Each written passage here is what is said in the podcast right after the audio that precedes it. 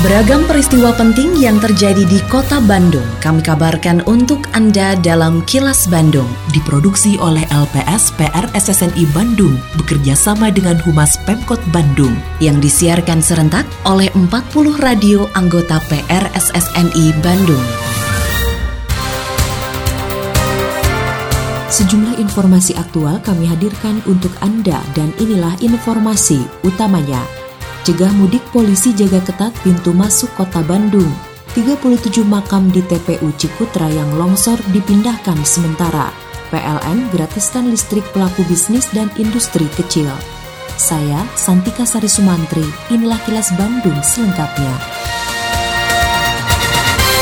Petugas kepolisian dari Polrestabes Bandung serta aparat gabungan lainnya semakin memperketat akses masuk ke kota Bandung. Kapolrestabes Bandung Komisaris Besar Polisi Ulung Sampurna Jaya mengatakan penjagaan dilakukan untuk mencegah para pemudik melintas di kota Bandung. Menurut Kapolrestabes, selain memeriksa armada bus, para petugas juga memeriksa kendaraan pribadi. Jika ditemukan ada penumpang yang akan melakukan mudik, maka petugas akan memaksa kendaraan tersebut untuk memutar balik kembali ke arah semula. Dari luar memang banyak, jadi dari luar mereka melintas di kota Bandung, kemudian mereka tujuannya di luar kota Bandung juga. Contoh dari Lembang mereka turunnya ke Cimahi atau Cimahi turunnya ke arah Sumedang. Sedangkan untuk di dalam kota sendiri, masyarakat sudah banyak yang sudah mengerti dan banyak sadar. Wali Kota Bandung Oded Muhammad Daniel memastikan warga terdampak banjir di Kelurahan Sukabungah, Kecamatan Sukajadi, sudah mendapat penanganan. Akibat banjir tersebut, sebanyak 197 rumah di RW 03 dan RW 06 Kelurahan Sukabungah terendam air sungai yang meluap. Sejumlah dinas terkait telah diturunkan ke lokasi untuk menangani warga terdampak yang berjumlah sekitar 200 kepala keluarga. Selain itu, bantuan logistik juga sudah disalurkan, termasuk pendirian dapur umum di lokasi, sedangkan para pengungsi sebagian di antaranya ditampung di masjid terdekat. Oded menduga terjadinya banjir disebabkan oleh meluapnya sungai Cikakak yang tertutup longsoran. Dan insya Allah Pak Kadis Peru dan juga kewilayahan sudah siap untuk membereskan ya menyelesaikan dampak dari longsor saya yang menutup sungai Cikakak itu. Ada dapur umum sudah ada ya dan penampungan di masjid juga di beberapa rumah uh, yang tidak terdampak. Kebutuhan makan warga terdampak banjir di Kelurahan Sukabunga, Kecamatan Sukajadi, dibantu oleh dapur umum yang dibuat di dekat lokasi. Camat Sukajadi Agus Mulyadi mengatakan, dapur umum didirikan berbarengan dengan penanganan wabah virus corona atau COVID-19 di wilayahnya. Menurut Agus, sebagian warga terdampak banjir ditampung di lantai dua masjid, sedangkan yang lainnya mengungsi ke rumah kerabat atau tetangga yang lebih aman penting sekarang adalah penanganan untuk penyedotan dan pengangkatan material yang menutup kali ini. Ini ada kendala karena lokasinya ini di gang. Alat berat tidak bisa masuk sehingga kita mungkin akan bergotong royong semua pihak dan juga baik dari dinas maupun masyarakat secara manual kita akan melaksanakan gotong royong hari ini. Mudah-mudahan cuaca hari ini tidak hujan lagi. Hujan dengan intensitas tinggi menyebabkan terjadinya longsor di sejumlah titik TPU Cikutra yang dilewati oleh aliran sungai Cidurian. Akibatnya sebanyak 37 makam di TPU Cikutra terkena longsor sehingga harus dipindahkan ke tempat lebih aman. Usai meninjau lokasi longsor di TPU Cikutra pada minggu kemarin, Wali Kota Bandung Oded Muhammad Daniel mengatakan untuk menangani longsor tersebut, ia sudah meminta kepada Dinas Pekerjaan Umum untuk membuat tanggul sementara. Hal itu untuk mencegah longsoran meluas, mengingat intensitas hujan yang masih tinggi melanda kota Bandung dan sekitarnya. Selain itu, pihaknya juga sudah koordinasi dengan Balai Besar Wilayah Sungai atau BBWS agar masalah bantaran sungai Cidurian yang longsor bisa segera diatasi. Karena meski Pemkot Bandung bisa memperbaikinya, persoalan sungai merupakan kewenangan BBWS kita 37 37 kita amankan dipindahkan. Ya kuburannya ke tempat yang lebih aman. Setelah itu kita akan mengatasi longsor ini sementara ya. Nanti dengan ronjong dengan apa nanti dengan teknis lah mereka. Sambil saya tadi juga sudah menelepon saya sudah koordinasi dengan BWS ya nanti mudah-mudahan kita dengan BWS bisa berkoordinasi untuk menyelesaikan pembangunan ini sekitar ini ke, ke depan seperti apa ya.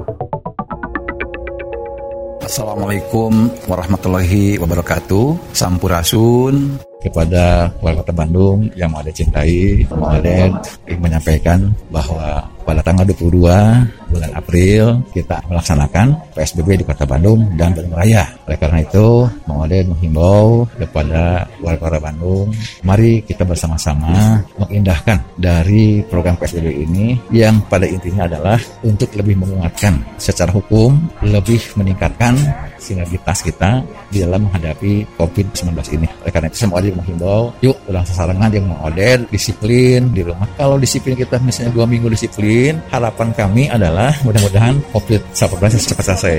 Kalau banyak akan lebih repot lagi. Saya berharap bahwa masyarakat tidak harus panik, apalagi panik buying, karena stok kayak kita di kota Bandung cukup aman. Terima kasih. Wassalamualaikum warahmatullahi wabarakatuh.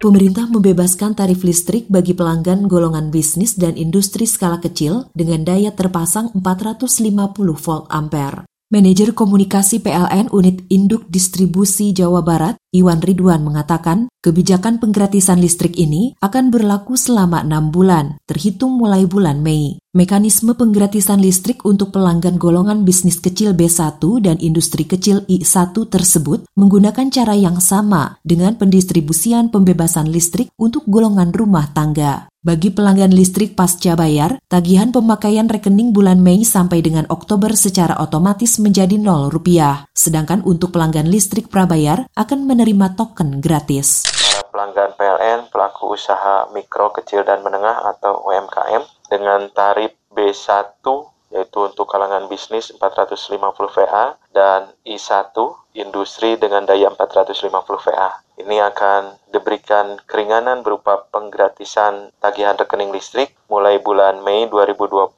sampai 6 bulan ke depan atau sampai bulan Oktober 2020. Untuk para pelanggan dengan sistem pasca bayar tentunya tagihannya gratis alias nol. Kini, audio podcast siaran Kilas Bandung dan berbagai informasi menarik lainnya bisa Anda akses di laman kilasbandungnews.com.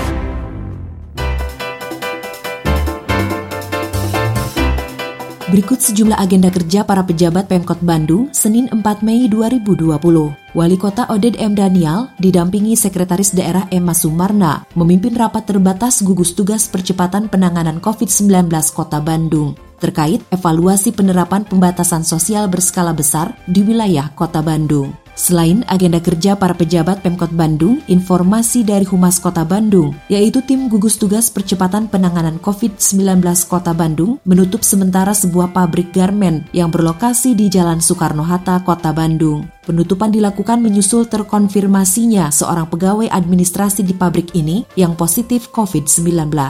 Koordinator Bidang Logistik Gugus Tugas Percepatan Penanganan COVID-19 Kota Bandung, Eli Wasliah mengungkapkan, pegawai yang terkonfirmasi COVID-19 diduga masuk dalam klaster GBI Lembang. Oleh karena itu, tim gugus tugas melakukan rapid test terhadap 94 orang tenaga administrasi. Hasilnya sebanyak 11 orang dinyatakan reaktif. Saat ini pegawai tersebut telah melakukan isolasi mandiri. Dengan temuan ini, pabrik ditutup sampai waktu yang belum ditentukan, meskipun termasuk pabrik yang memiliki izin operasional dan mobilitas kegiatan industri dari Kementerian Perindustrian, sehingga ketika diterapkan pembatasan sosial berskala besar atau PSBB masih bisa beroperasi. Demikian sejumlah agenda kerja para pejabat Pemkot Bandung dan info aktual yang diterima redaksi LPS PR SSNI Bandung dari Humas Pemkot Bandung.